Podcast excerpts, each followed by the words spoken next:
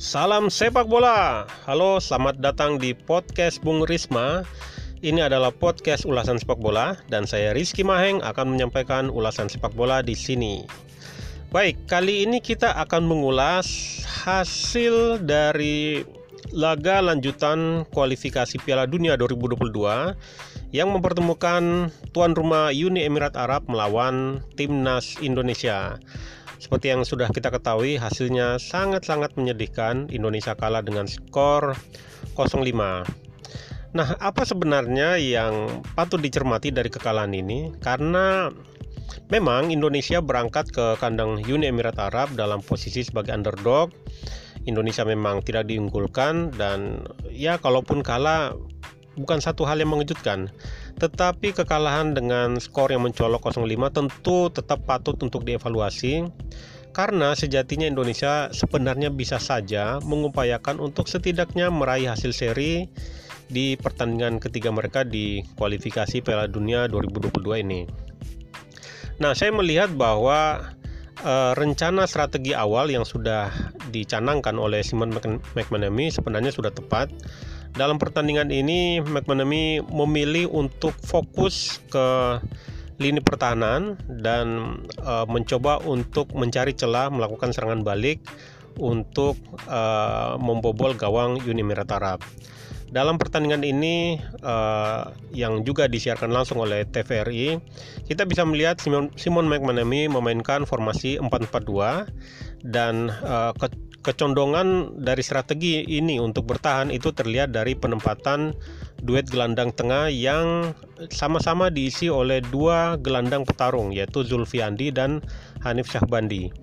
Di formasi ini terlihat bahwa uh, gelandang kreator yang lebih fokus untuk melakukan serangan seperti Evan Dimas tidak dijadikan uh, starter dan ini jelas menunjukkan bahwa sejak awal Simon McManamy memang mengincar hasil seri atau syukur-syukur bisa uh, memenangkan laga, mencuri gol keberuntungan lewat uh, skema serangan balik.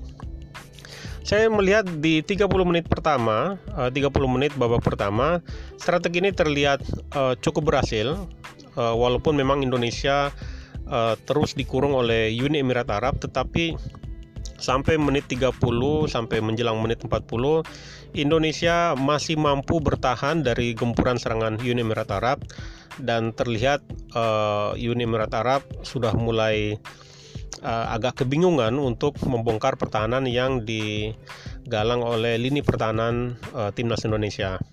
Nah, yang menjadi permasalahan adalah Indonesia uh, tampaknya tidak punya kemampuan untuk menerapkan strategi ini dengan benar.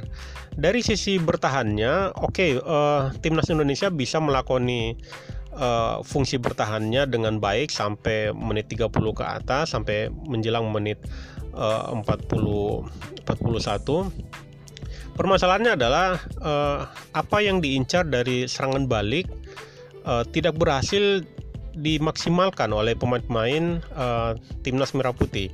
Kita lihat dalam uh, situasi memainkan formasi 4-4-2 ada beberapa kali momen ketika Indonesia punya kesempatan untuk melakukan serangan balik, tetapi kesempatan-kesempatan untuk melakukan serangan balik itu uh, tidak mampu dimaksimalkan oleh uh, lini serang dari timnas Indonesia. Ada satu momen ketika uh, Beto Concalves berhasil lolos dari uh, apa jebakan offside dari pemain-pemain Uni Emirat Arab, tetapi ketika sudah mulai memasuki area kotak penalti lawan, pemain ini seperti kebingungan karena tidak ada dukungan dari lini kedua. Jadi di sini terlihat bahwa uh, situasi serangan balik yang ingin dimanfaatkan oleh skuad Simon McManamy ini tidak berhasil diterjemahkan uh, dengan baik di atas lapangan. Nah, uh, yang menjadi parahnya adalah ketika Indonesia kebobolan uh, gol pertama dan saya bisa katakan gol pertama ini uh, menjatuhkan mental karena di saat timnas Indonesia sedang solid-solidnya bertahan dan uh, so far mampu membuat uh, frustasi uh, lini penyerangan dari Uni, Uni Emirat Arab kemudian Indonesia kebobolan oleh satu gol dalam tanda kutip satu gol bodoh karena ketidakmampuan dari Wawan Hendrawan mengantisipasi umpan lambung yang mengarah ke uh, kotak penalti dan menurut saya itu cukup menjatuhkan mental dan uh, dalam posisi memang Indonesia menjaga agar jangan sampai kebobolan lalu kebobolan satu gol yang uh, yang aneh, yang konyol menurut saya itu menjatuhkan mental. Dan itu bisa terlihat di uh, babak kedua.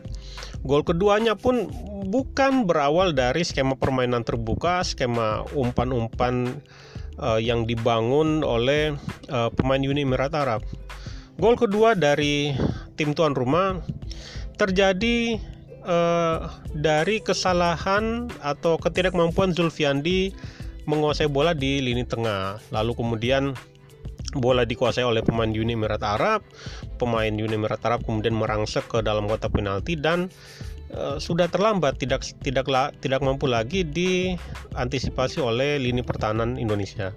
Kemudian kita lihat di gol ketiga itu adalah penalti dan ya itu kita tidak bisa mencegah ya. Kalau penalti ya itu ya lucky blow lah. Nah, di gol keempat kita bisa melihat bagaimana Indonesia uh, sudah ya bisa dikatakan sudah mentalnya sudah down dan itu berpengaruh pada uh, kemampuan mereka untuk menyusun lini pertahanan yang rapi. Terlihat di gol keempat ini uh, apa jebakan offside yang coba diterapkan oleh pemain-pemain lini pertahanan Indonesia tidak berjalan dengan baik, sangat mudah ditembus dan gol keempat memang berawal dari kegagalan menerapkan uh, jebakan offside. Nah, uh, dan di gol kelima menurut saya itu adalah uh, pelengkap dari derita timnas Indonesia di kandang Uni Emirat Arab. Wawan Hendrawan kembali gagal mengantisipasi sebuah tendangan dan bola muntahnya kemudian dimanfaatkan dengan baik oleh pemain Uni Emirat Arab. Nah, so far dari laga ini harus diakui bahwa uh, rencana awal yang diterapkan oleh Simon McManamy menurut saya sudah tepat. Uh, timnas berangkat ke kandang Uni Emirat Arab dalam posisi uh, dua laga sebelumnya kalah sehingga di laga ketiga ini tentu uh, McManamy menghindari banget jangan sampai kalah dan uh, bisa mencuri poin atau meraih hasil seri di kandang Uni Emirat Arab tentu akan menaikkan mental dari eh, anak-anak uh, Garuda Garuda Merah Putih sehingga uh, menerapkan strategi yang condong untuk bertahan menurut saya adalah pilihan yang tepat. Sayangnya memang uh, rencana tersebut gagal direalisasikan dengan baik oleh skuad Garuda Merah Putih di atas lapangan. Well, uh, itu saja untuk ulasan kali ini. Tentu ini bisa dikatakan sebagai ulasan yang menyedihkan karena kita membahas satu kekalahan telak uh, timnas Indonesia. Tapi tentu kita jangan uh, putus harapan. Kita masih uh, terus berharap agar Indonesia uh, dalam hal ini terus membaik pada laga-laga berikutnya.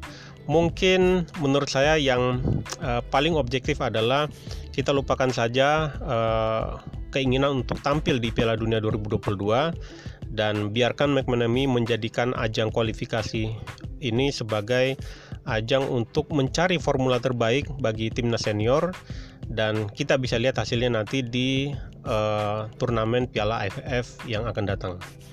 Oke, itu saja untuk ulasan kali ini. Jangan lupa untuk follow podcast Bung Risma. Ikuti juga tulisan di tulisan di blog pengamatbola.id dan nantikan ulasan bola selanjutnya. Salam sepak bola.